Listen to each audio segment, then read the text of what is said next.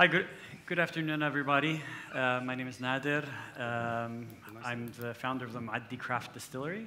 It's not a really big distillery. It's maybe only 80 meters square. Um, essentially, it's me and my wife. Uh, and it's based in Bethlehem, in Palestine. Uh, I do the production, my wife does all the marketing, sales, and things like that. It's very similar to our craft beer friends who were here earlier today with us. Um, so, yes. E, merhabalar, ben Nadir Muadi. E, bizim e, Muadi damıtım evimiz var. Çok küçük bir yer aslında, çok büyük bir yer değil, 80 metrekare kadar e, bir yer. Ben ve eşim aslında burada birlikte çalışıyoruz. Ben üretim tarafındayım, eşim daha ziyade pazarlamayla ilgileniyor. Uh, Arak is a spirit that I'm really passionate about. I don't think it gets the respect or recognition globally that I think it deserves. Um, it's definitely overshadowed by a lot of its, uh, you know, brother spirits or cousin spirits like Raki and like Ouzo. Uh, so I want to share with you today a bit about uh, Arak. I won't focus too much on the production, which is just this one slide. Uh, I want to share with you more our narrative about what is the story of Arak, where does it come from, and it's, I think it's a really cool opportunity today um, that we're able to come together because every country in the Mediterranean has this anise spirit culture and mezze, and we drink it and we enjoy it in very similar fashions. Um, so I want to share with you a little bit about our history and where Arak came from. Ee, Evet, Arak benim Arak benim çok tutkulu olduğum bir içki aslında ve ne yazık ki dünyada gerekli e, saygınlığı ve tanınırlığı bulamıyor. E, bunun bir sebebi de tabii kardeş ya da kuzen içkileri diyebileceğimiz rakı ve uzunun gölgesinde biraz kalıyor olması. E, üretimin detaylarına çok girmeyeceğim, sadece tek slaytta bahsedeceğim. E, ama burada daha ziyade birazcık bizim söylemimizden, hikayemizden bahsetmek istiyorum. Bence çok güzel bir fırsat bugün hep birlikte burada olmamız. Çünkü baktığımızda bütün Akdeniz kültüründe aslında anasonlu içkiler, e, meze, o sofra kültürünün ortak olduğunu görüyoruz. So while Lebanon is known for arak, and they make the most arak, it's also the national spirit of Syria, of Palestine, of Jordan, and of Iraq. Uh, so these five countries really share uh, the, drink of uh, arak. Um, arak, it's very similar to raka. Uh, we started our distillery back in 2018, and we're specialized only in making arak. We only make about 3,500 bottles per year. Uh, um, not a lot. uh, we use all local and all natural ingredients. Uh, in Palestine, the grapevine is the second most cultivated crop after the olive tree. We have 23 species of local grapes and we use four of them, which are white grapes, for making arak. These are grapes that are thousands of years old. Some of their names are even in the Old Testament of the Bible and the Torah. Um, and the ones we use are Jandali, Hamdani, Zeini, and Dabuki. They're very white, very high sugar content, uh, and they're local to the area, so they don't, they're not as picky as other varieties that come from abroad. They grow easily, they, grow, they don't need irrigation or anything.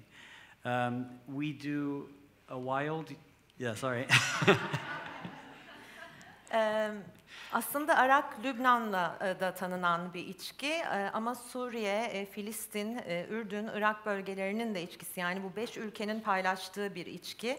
Rakıya oldukça fazla benziyor. Biz 2018 senesinde Arak üretimine başladık. Çok da değil, yılda sadece 3500 şişe kadar üretim yapabiliyoruz. Tamamen yerel içeriklerle yapıyoruz üretimimizi. Filistin'e baktığımızda aslında üzüm bağları ülkedeki tarım alanında iki numarada yer alıyor. Yani zeytinden sonra en çok o, üzüm bağı var diyebiliriz. 23 çeşit üzümümüz var ve bunlardan 4 tanesini beyaz olanlarını e, arak e, yapımında kullanıyoruz. Ve baktığımızda bunlar binlerce yıl kadar geriye giden üzümler hatta e, İncil'de de isimlerinin geçtiğini e, görüyoruz. Özellikle Dabuki, Cendali, Hamdani ve Zeyni üzümlerini kullanıyoruz biz.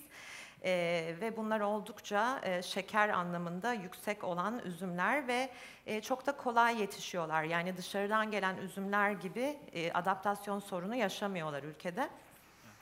So our whole brand is built around tradition and trying to preserve this aspect of our culture. We think we have a unique distilling heritage and we're trying to protect it, keep it safe, and to pass it on to the next generation. So we're really picky when it comes to preserving traditions, and that includes the ingredients, but also the process and how we make it. So arak is distilled three times. It's triple distilled. It's always in a pot still. Uh, the grape, uh, the way we make the grapes, the way we process is a wild fermentation. We basically take the grapes, crush them, and put them inside a vat, basically to ferment on the skins. We let the skins from the local environment, the yeast on the skins, consume the sugar, convert it into alcohol. And after we distill, we age it in clay amphora for about a year before we bottle it. And arak is always bottled at 53% alcohol. That's like the standard for arak. Ee, evet, marka olarak aslında geleneğimizi korumaya çok e, odaklanıyoruz ve geleneği korumak derken e, burada bir damıtım mirasından da bahsediyoruz. Çünkü çok benzersiz bir damıtım yaklaşımımız olduğuna inanıyoruz ve bunu gelecek kuşaklara aktarmaya çalışıyoruz. Ee, yani hem içerik hem süreç anlamında geleneklerimizi korumaya çalışıyoruz. E, mutlaka üç kere damıtılır arak, bakır imbik e, kullanılır. E, vahşi fermentasyon dediğimiz bir yöntemle e, yapıyoruz. Öncelikle e, üzümü eziyoruz. Daha sonra bunun alkole dönüşmesiyle birlikte ve bir senede bekliyoruz şişelemeden önce. Ve arakta her zaman %53 oranında alkol olur. So now I want to get a bit into the story of Arak, where it came from. And this is all based on Arabic texts. I know that we have different narratives. There's a Turkish narrative, a Greek narrative. And it's important that we hear one another's narratives and exchange notes in order to find out more about our history. Because it's really bits and pieces that we need to put together like a puzzle. So this is the Arabic narrative from the countries that I mentioned. Um, the story of Arak starts in Iraq, in Baghdad. Uh, this is the oldest manuscript on distillation. It was uh, written in a book called Kitab al Aqalim Sab'a. It was written by a guy named Abu al Qasim al Iraqi. We don't know when it was written, but he died sometime around the year 1260. So it was written before then. Like many pieces of our history and our culture in the Middle East, uh, this is on display at the British Museum, uh, not in one of ours.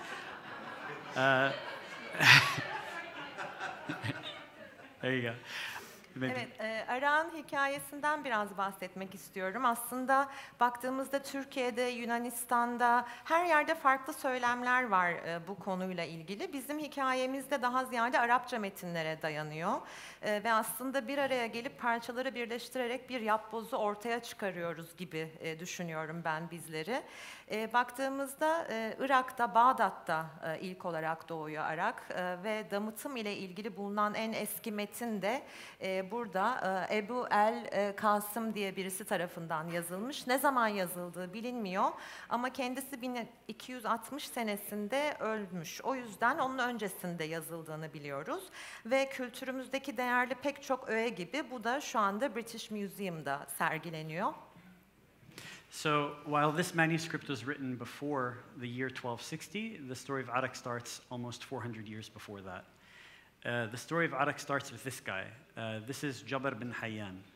Uh, Jabir bin Hayyan, at this time when he was around in the 9th century, uh, the Arab world was in a period of renaissance. Europe had fallen into the Dark Ages, and the Arabs were continuing to make mathematical and scientific advancements where the Greeks and the Romans had left off.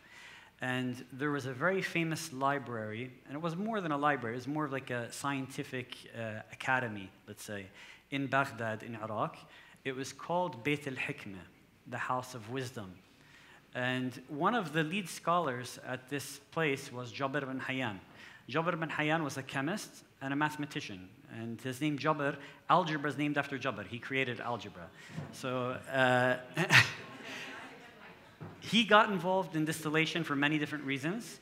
Uh, he didn't get involved in distillation to make alcohol because he was a very religious Muslim. Uh, so already wine and beer were haram, so you know, al- distilled alcohol would be even more haram. So that was not at all what he wanted to do. He actually wanted to make eyeliner, and we call eyeliner Arabic al-kuhul.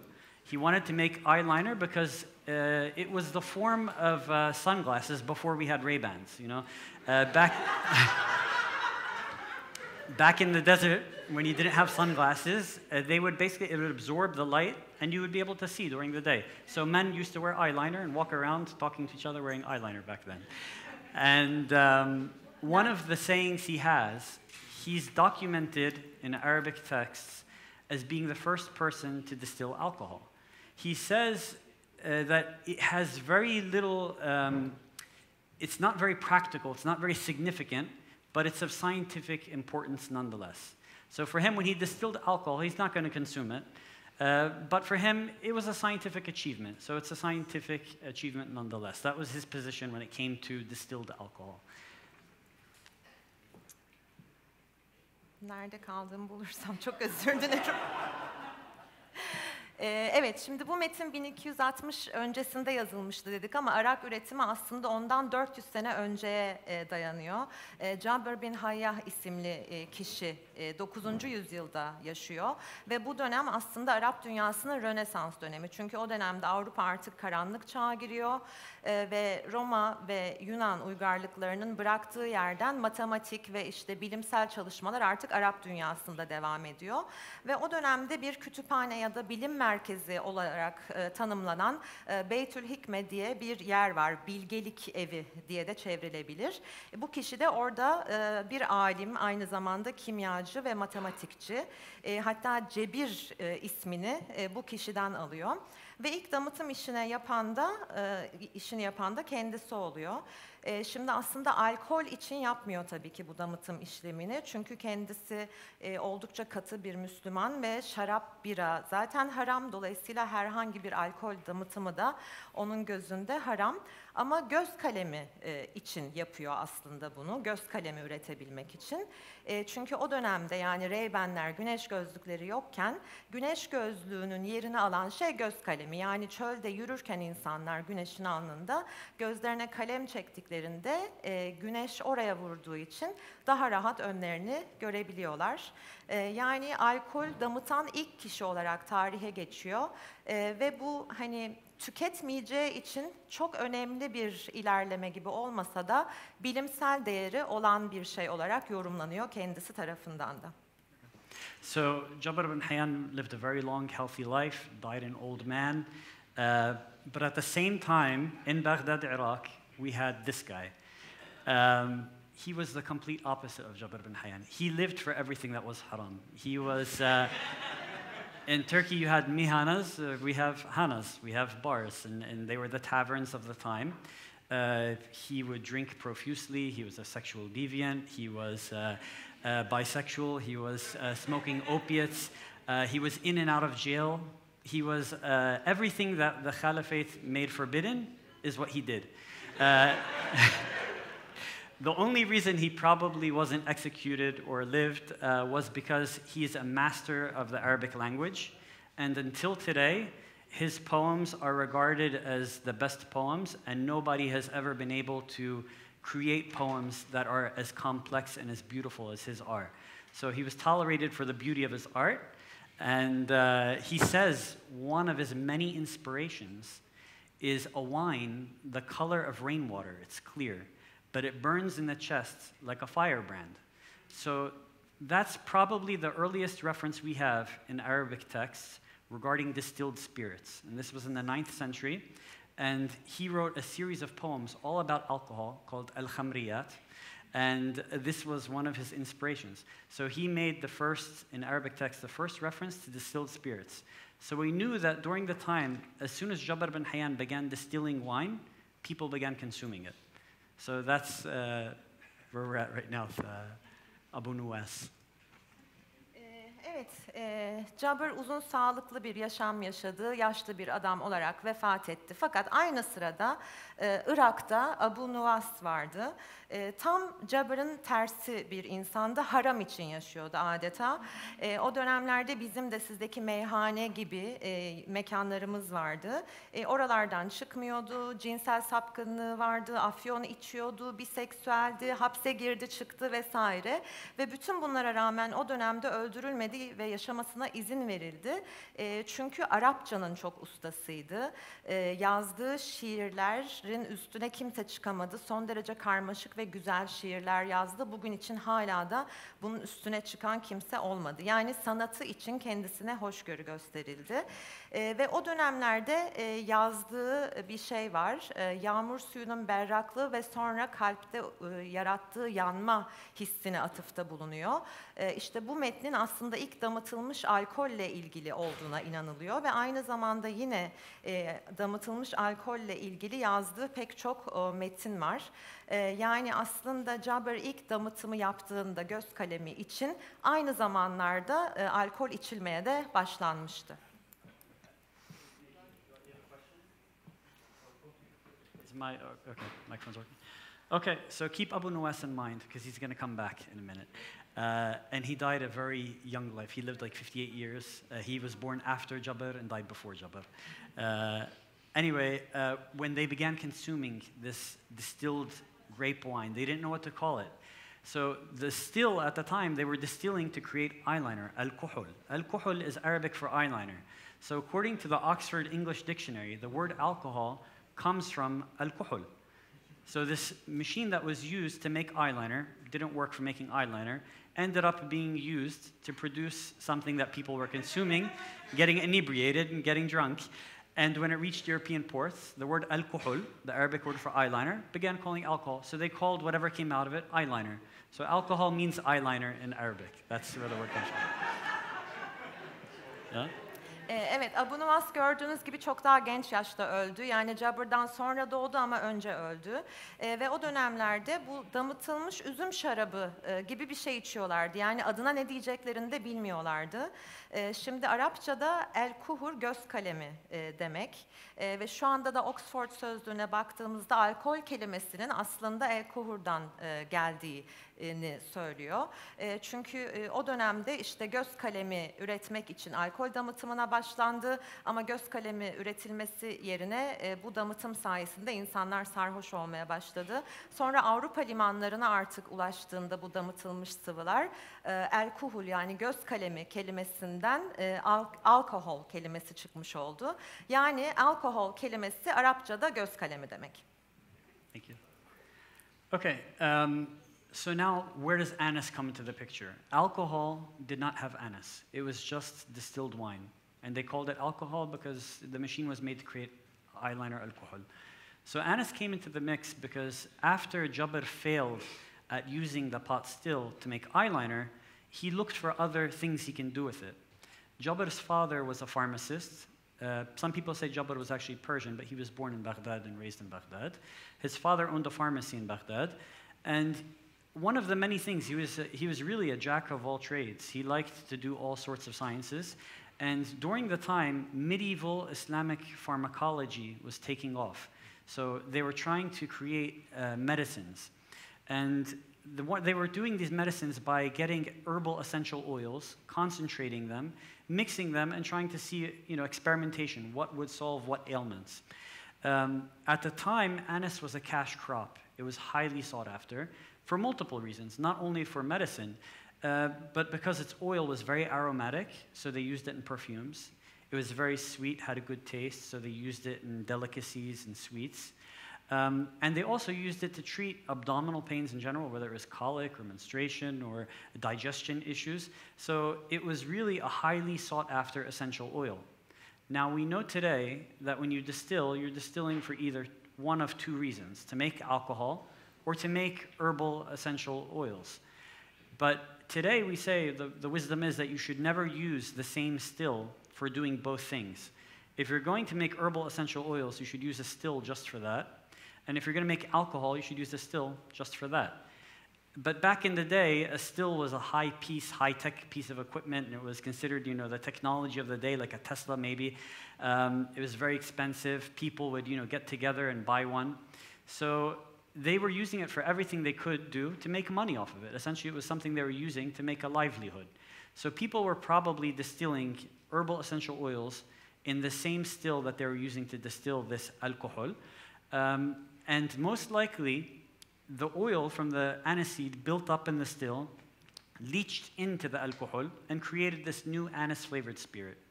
People enjoyed the anise flavored spirit. They began adding it on purpose to the spirit, and that's where we had arak. And I'll get to arak's name in a second. Ee, evet, tabii ilk başta alkolde anason yoktu. Ee, Daha alkohol aşamasındayız o sırada.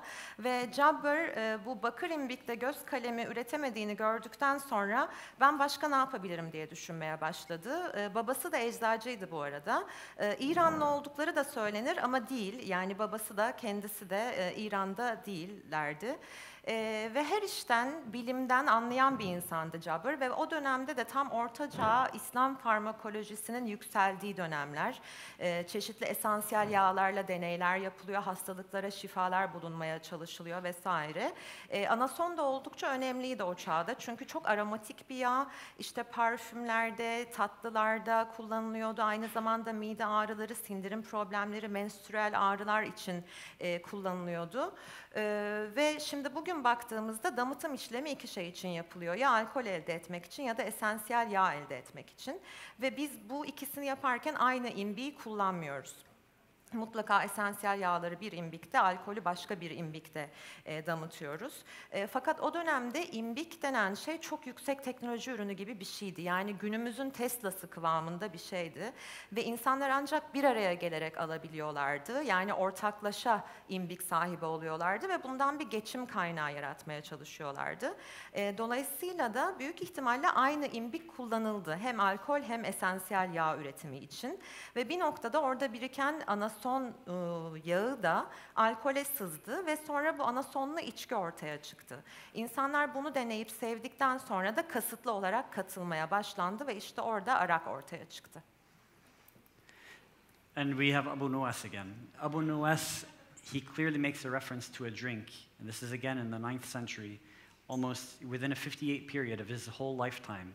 We, we know that during his lifetime, alcohol, distilled spirits was produced. It was called alcohol and it was consumed. And then during his lifetime, he talks about a drink that when you pour it from a pitcher, it's clear. And then as it mixes, it becomes bright with light. So this is a clear reference to raki or arak. When you, you know, when you mix the water with the arak and the raki, it turns white. So this was during the 9th century. Abu Nuwas made a reference to arak, and that's the earliest reference we have in Arabic texts to arak. Ee, Şimdi tekrar Abu Nuwas'a dönüyoruz. Onun e, verdiği bir referans var, bir içkiyle ilgili yazdığı bir metin var. Şimdi 9. yüzyılda onun yaşamı boyunca alkol üretildiğini ve içildiğini biliyoruz. E, ve o dönemde yazdığı bir metinde bir içkiden bahsediyor. Diyor ki sürahiden dökerken son derece saydam ama karıştığı anda ışık gibi parlıyor. E, ve işte arak ve rakının suyla karıştığı andaki halini düşünecek olursak e, arakla ilgili ilk referansın bu metinde olduğunu düşünüyoruz. We talked about how distilled spirits were called alcohol because it's eyeliner, which is a strange name. Arak is also equally a strange name. Uh, arak means sweat. It's not very appetizing. But why do they call it sweat? Because when they enjoyed the anise flavor, they wanted to add more anise flavor to the drink. When they added more anise flavor, if you had the still on a high flame, it would burn the anise inside the pot and it would give a bitter taste. So they would distill it very slowly, and it would come out of the still drop by drop. And those drops resembled sweat drops as people would sit next to their stills for long hours waiting for it to finish. And they named it sweat. So it's not a very appetizing name, but that's where the name arak comes from. Şimdi arak kelimesine gelecek olursak damıtılmış içkilerin alkoholden geldiğini söyledik. Evet çok garip bir kelime olarak. Ee, arak kelimesi de aslında Arapçada ter demek. Yani çok da iştah açıcı bir kelime değil aslında. Ee, ama e, o dönemlerde e, al- anason ekledikleri zaman alkole. Eğer çok yüksek ateş varsa e, o zaman yanıyordu anason ve dolayısıyla e, kötü acı bir tat oluşuyordu. E, o yüzden çok daha yavaş damıttılar anason ekledikleri içkileri. E, ve dolayısıyla da damla damla e, akıyordu damıtılmış içki ve buna da e, başında oturup işte o damıtımın bitmesini beklerken ter damlası gibi demeye başladılar. E, ve buradan çıktı arak kelimesi. Yani e, ter demek arak hiç iştah açıcı bir kelime değil. Okay, so I won't get into uh, what came first, the chicken or the egg. Um, but we all know that every country in the Mediterranean has an anise flavored spirit, different names, each one has its own different nuances. Uh, the Arabs like to think that arak was the, the first anise spirit. Um, that's my disclaimer, I don't know. Uh, but we, that's the, the narrative that we have in our text that arak was created, it went to different countries. Countries, they began to adapt it based on their preferences and based on whatever ingredients were available. The Tunisians, they made it from figs and they called it boukha. The Moroccans, they made it from dates and they called it mahia. Um, some people added sweetener, some people aged it in wood, some people added more herbs. That's how we view it. And if you go to even Central Asia, if you talk about like the countries of like Iran or Armenia or Georgia, those countries, they call all distilled spirits uh. And if you go to the sub-Asian, Southeast sub-Asian continent, um, they call all drinks arak. Arak means distilled spirit in many of countries because it's the first distilled spirit that they encountered. Um, and then we like to think that because of that, it, it's the oldest one. And, and, we know that, for example, in the Ming uh, dynasty in China, uh, when the Mongol hordes came and invaded Iraq, they took arak back with them.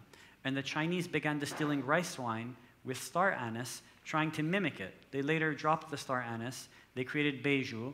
Uh, went to Korea, became Sochu. And then you got sake when it went to Japan. So it went east, it went west, it went south. And even anise flavored spirits are no longer limited only to the Mediterranean basin. Colonization took spirits, these spirits with them even further. We know that the Spanish and the Portuguese have anisado and aniseta. And when they colonized the Philippines, you have people in the Philippines and Asia now drinking anisado. And they took it with them when they colonized all of South and Central America. Throughout Latin America, you have a drink called aguardiente, which is very similar to raka. Ee, şimdi tabii tavuk mu yumurtadan, yumurta mı tavuktan oraya girmeyeceğim. Ee, ama Akdeniz'deki her ülkenin anasonlu bir içkisi var. Aralarında küçük farklar olsa da. Ee, ama şöyle diyeyim, hani Arap metinlerinde e, böyle deriz, Araplar da böyle demeyi sever. İlk önce Arak çıktı e, denir. E, ve işte Arak sonra bütün ülkelere yayıldı. Sonra kendi tercihlerine göre e, farklı eklemelerle biraz daha değiştirdiler bu içkiyi denir. Tunus'ta mesela incirle e, yapılan bir versiyonu vardır. Başka yerlerde hurmayla yapılmıştır. E, sonra İran'a, Ermenistan'a, Gürcistan'a baktığınızda bütün damıtılmış içkilere arak derler. E, yine Asya'daki ülkelerde tüm içkilere arak dediklerini e, görürüz. E, Çin'e baktığımızda e, orada Moğollar e, geri dönerken arağı yanlarında götürürler. Sonra Çinliler pirinç şarabı yapmaya çalışırlar. Yıldız anason kullanırlar. Farklı bir içki elde ederler. Sonra sake ortaya çıkar. Japonya'ya kadar uzanır. E, yine anason aslında baktığımızda sadece Akdeniz havzasıyla da sınırlı kalmıyor. İspanya ve Portekiz'e gittiğimizde anisado ve anisette görüyoruz. E, daha sonra oradan başka yerlere de yayıldı bunlar. Yine ABD'ye baktığımızda e, Orta e, Orta Amerika'da Agua Verde e, vardır mesela. So, while the ancient history of Arak is very beautiful and uh, very interesting, the modern history is kind of depressing and sad. Uh, the modern history isn't the greatest. Uh, we see really um, Arak as a victim of Middle East turmoil. Um, up until the British mandate, when the British occupied Palestine. Before that, it was with the Ottomans, and we were, we were always occupied, as far back as you go, by whoever you name. Um, but no one ever outlawed distillation. It was always a craft, it was part of our culture, it was something we did. When the fall came, they had the grape harvest, people made wine, they drank wine all winter long.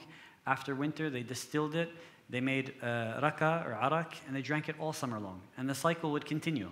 And that's how people lived for more than a thousand years.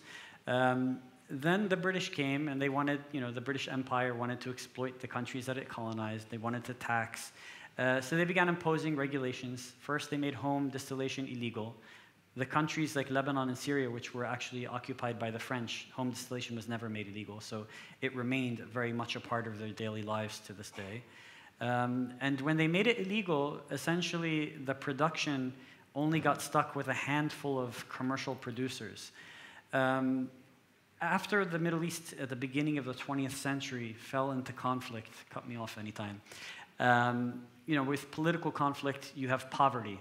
And good arak and good raka, I'm sure you all know it, it takes a, it's very costly. It's very time consuming. It involves a lot of labor. Involves a lot of high quality ingredients, which are costly. To make good raka or good arak, uh, it, it's it, not something that the masses can afford when your country's in a war and people barely have you know uh, money to buy food and clothing, and they're looking at the essentials. So essentially, the big, yeah. Ee, şimdi Aran tarihine baktığımızda oldukça enteresan. Ama modern tarihine baktığımızda da çok üzücü bir tablo var. Ee, çünkü Arak açıkçası Orta Doğu'nun bütün bu çalkantısına kurban oldu diyebiliriz. Ee, İngiliz işgaliyle birlikte yani İngiliz işgalinden önce de zaten Osmanlı vardı. Hep işgal altındaydık diyebiliriz. Ama e, şöyle bir kültür vardı aslında. Sonbaharda bağ bozumuyla birlikte şarap yapılırdı, kışın şarap içilirdi. Ee, bunun sonunda bu şaraplar damıtılır, yaza rakı yapılırdı, yaz boyu da e, yani pardon arak e, arak yapılırdı, yaz boyu da arak içilirdi. E, ama İngilizlerin gelmesiyle birlikte tabii geldikleri yerde biliyorsunuz ki sömürgecilik yapmak istiyorlar, sömürmek istiyorlar. E, işte vergi yaptırımları uyguladılar, çeşitli kısıtlamalar, yönetmelikler dayattılar e, ve evlerde damıtım yapmayı yasakladılar. Mesela Lübnan tarafına baktığımızda orada Fransız işgali vardı. Fransızlar böyle bir yasak koymadılar. Yani Lübnan'da evlerde damıtım devam edebildi. Ee, ama e, Filistin tarafında İngilizlerin bu yasayla birlikte üretim sadece e, bir avuç bir avuç ticari üreticinin eline kaldı. Ee, ve 20. yüzyılla birlikte işte bütün bu siyasi çatışmalar, bununla birlikte gelen yoksulluk vesaire hepimiz biliyoruz ki e, aslında damıtım dediğimiz işlem oldukça maliyetli ve son derecede zaman alan bir işlem. Ee, ve dolayısıyla böyle bir savaş halinde yoksulluk hani yemek almaya para bulamayacakken hay- ha- em, halk e, iyi arak üretimi artık hayal oldu. So the commercial producers, they were left with an ultimatum. It was either to continue to produce high quality arak that only a very small minority can afford, that's not sustainable, or to create arak for the masses. And to create arak for the masses, it had to be cheap. And for it to be cheap, they couldn't continue to make it the traditional way. They had to look for other ways to make it. So they began getting industrial alcohol, like 96% pre distilled alcohol, usually made from either sugar cane, sugar beets, or corn. Uh, they would take it and they would distill it once with aniseed, and then you know that would be their, they would take it and they would bottle it right away. And by doing that, they were able to get rid of the grapes. The grapes are costly and involve a lot of labor to process between crushing and fermenting and pressing. Uh, so they got rid of the whole winemaking step before the distillation, and they got by getting rid of the grapes, they no longer produced seasonally. Like I produce only once a year. For them, now they're able to produce all year round because they can bring in this industrial alcohol, just throw it in the still, distill it with some anise, bottle it, call it uh, arak. Later on, they went a step further. They got rid of the anise because anise no longer in Palestine is a big cash crop. Uh, it's something that is, like we saw today, you have to grow a lot of fields to make a very little yield. Um, we're constantly in Palestine fighting to keep our land, and we're constantly losing land. Um, so very little anise is made in Palestine these days, only a few tons. I like to think that I buy half of it maybe. Um, but not many uh, are produced, uh, not, not much anise is grown. So by getting rid of the anise, they had to find a substitute, and they began getting anise flavoring, usually comes from China, usually made from star anise. So essentially, the arak distilleries that we had are basically they bring alcohol, they bring anise flavoring, they get a paint mixer, a power drill, half an hour, you have arak. It's magic. Um, the problem is that we don't have legislation in Palestine that protects uh, arak. It doesn't have any protected designation under the law. Um, and even when it comes to things like false advertising, we don't have much legal oversight in our country. So these producers were making this commercial arak, this industrial arak, and they were writing words on the label that are misleading, that things that say uh, handcrafted, triple distilled, made from the best local grapes and anise. But when people drank it, it didn't taste as good as the old arak. So they began to think that if this is arak, I don't like arak. And they, people began to abandon arak. And now those who do have money buy scotch, buy gin, buy tequila, buy rum, buy wine, buy beer. Uh, arak now has a stigma. It's seen as a poor man's drink. It's something that someone who has taste would not buy. It's something, you know, who someone who wants to get drunk on a cheap budget would buy. Uh, it's not something that you would bring and give to someone as a gift. So essentially, this thing that we celebrated for more than a thousand years was destroyed in the mid 20th century.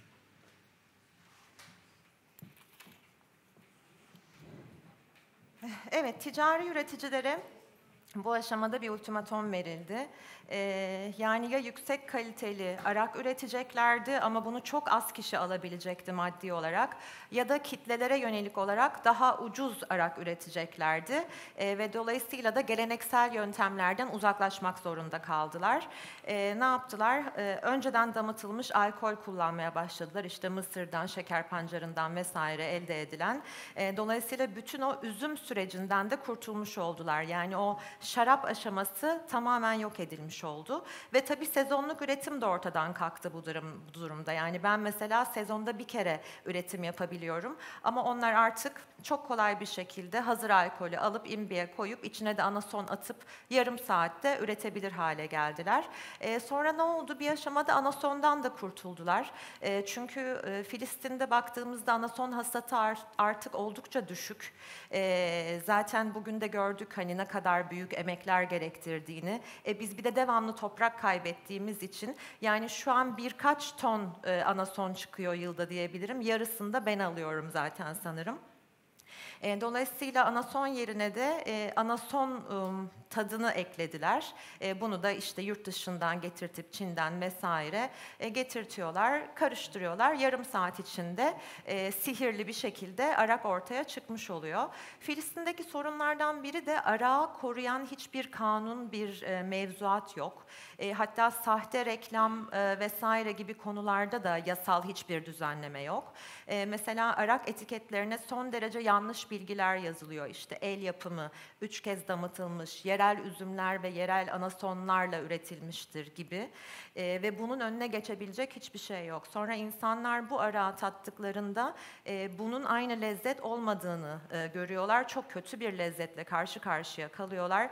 E, dolayısıyla da artık arak e, prestijini çok kaybetti. Yani şu an Filistin'de parası olan insan e, asla arak içmez. İşte viski, tekila, rom, bira, vesaire alır. Arak daha ziyade yoksulların hani hızlıca sarhoş olmak için aldığı e, bir içkiye dönüştü. Yani kimse e, hediye olarak mesela birisine e, arak götürmez.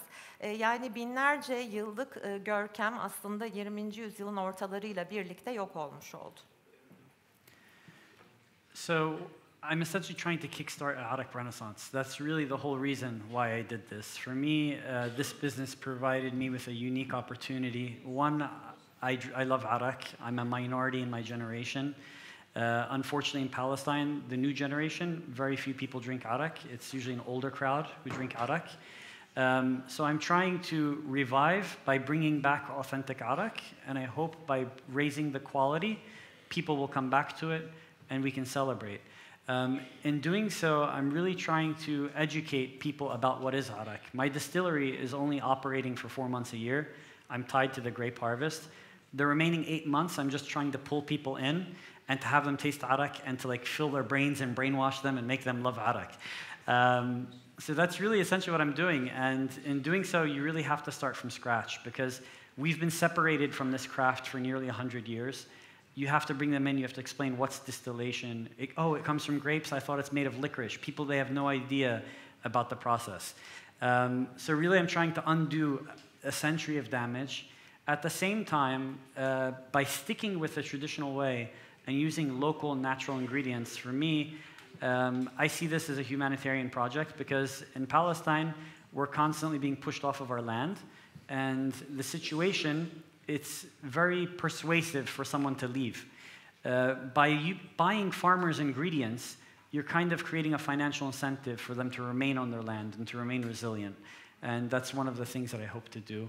Um, but really, consumers have no baseline or understanding when it comes to arak. A lot of people, when I come and I tell them I make arak, like, oh, why don't you make whiskey instead? And I'm like, no, because arak is ours, that the Scots make the whiskey.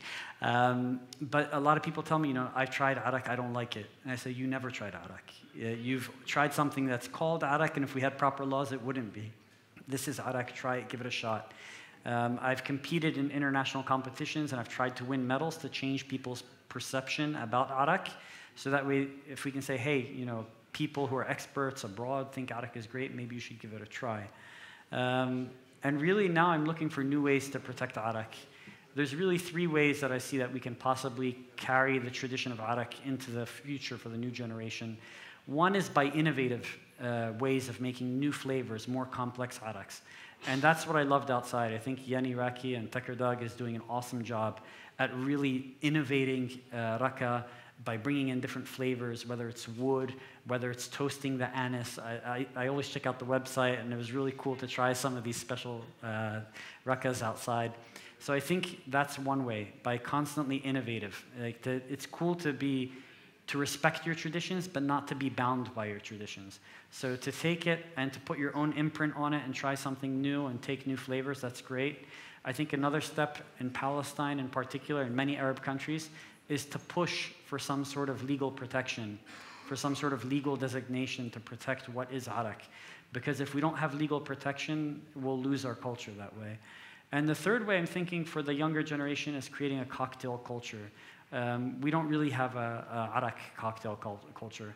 Um, so one of the things I want to explore is how to use local, readily available ingredients to make local cocktails. The only Arak cocktails that exist are basically foreign cocktails where they substitute one ingredient uh, for Arak and they call it like Asaz Arak uh, or something like that rather than Sazarak. Um, I really want to look at what we can use, like grape molasses, pomegranate molasses, honey, things that are available that are not difficult to get, and try to get, you know, to mix them together to create new flavors that can hopefully attract the younger audience. Uh, yeah, if you want to. ben aslında şu anda bir Arak Rönesansı yapmaya çalışıyorum. şimdi ben kendi adıma Arak Arağı gerçekten çok seviyorum ama azınlık arasındayım artık. Ee, yeni kuşağa bakacak olursak zaten çok az kişi arak içiyor. Daha ziyade yaşlıların içtiği bir içki şu anda. Ee, ve ben e, yeniden canlandırmak istiyorum e, Arak kültürünü. E, insanları eğitmeye de çalışıyorum bu anlamda. Çünkü ben, aslında e, damıtım evimde sadece dört ay çalışıyorum yani üzüm hasadı zamanında. E, arta kalan zamanlarda insanları davet ediyorum, gezdiriyorum, beyinlerini yıkamaya çalışıyorum. Arak'la ilgili Arak'ı tanıtmaya çalışıyorum e, onlara. E, çünkü yüzlerce yıldır bu zanaatten oldukça da uzaklaştık aslında. Mesela geliyorlar, aa üzümden mi üretiliyor, ben meyan kökünden üretiliyor zannediyordum diyen e, oluyor. E, aynı zamanda ben bunun çok insani bir hareket olduğunu da düşünüyorum. E, çünkü bizler topraklarımızdan devamlı atılıyoruz şu anda. Gerçekten kalmaya sebep olacak hiçbir şey yok aslında. Ama ben oradaki yerel üreticilerden yerel ürünler alıyorum. Böylelikle bir döngü oluyor, para kazanmış oluyorlar ve biraz daha dirayetlerini artırabiliyorum e, onların. E, arak ürettiğimi duyanlar diyorlar ki neden arak üretiyorsun, viski üretseydin keşke. Ama diyorum arak bizim içkimiz, onu İskoçlar zaten üretiyor. E, ve... E, Mesela diyorlar ki ben arak denedim hiç sevmedim diyenler oluyor. O denediğiniz arak değil, siz hiç arak içmediniz aslında e, diyorum. Kendi yaptığım arağı tattırıyorum onlara. Bir yandan uluslararası yarışmalara da katılıp ödüller almaya çalışıyorum. Sırf dünyada da algıyı değiştirmek için e, bu anlamda. E, ve bence yeni e, koruma yöntemleri bulmamız gerekiyor. Üç yöntem var benim aklıma gelen. Birincisi kesinlikle inovasyon yani yeni tatlar eklemek ki yeni rakı ve tekirdağ bunu çok güzel bir şekilde yapıyor. Çok inovatif lezzetler katıyorlar. Yani evet geleneğimize saygılı olmalıyız ama geleneğimiz bizi sınırlayıcı da olmamalı. E, ikinci olarak yasal koruma e, talep etmemiz gerekiyor. Yani arak nedir? E, bununla ilgili daha yasal bir çerçeve olmalı. Yoksa çünkü kaybedeceğiz bu kültürüm, kültürümüzü. E, üçüncü olarak da kokteyller bence çok önemli. Özellikle genç nesil için. Yani arakla ve yerel içeriklerle yerel kokteyller yapmamız önemli. İşte belki üzüm pekmezi, nar pekmezi gibi şeylerle yeni tatlar üretmeliyiz. I want to thank the IWSA. I want to thank uh, Mey Diageo for letting me come out here and talk about Arak. It's a topic I love talking about. Thank you all for listening to me. And if you have any questions, I'd be more than happy.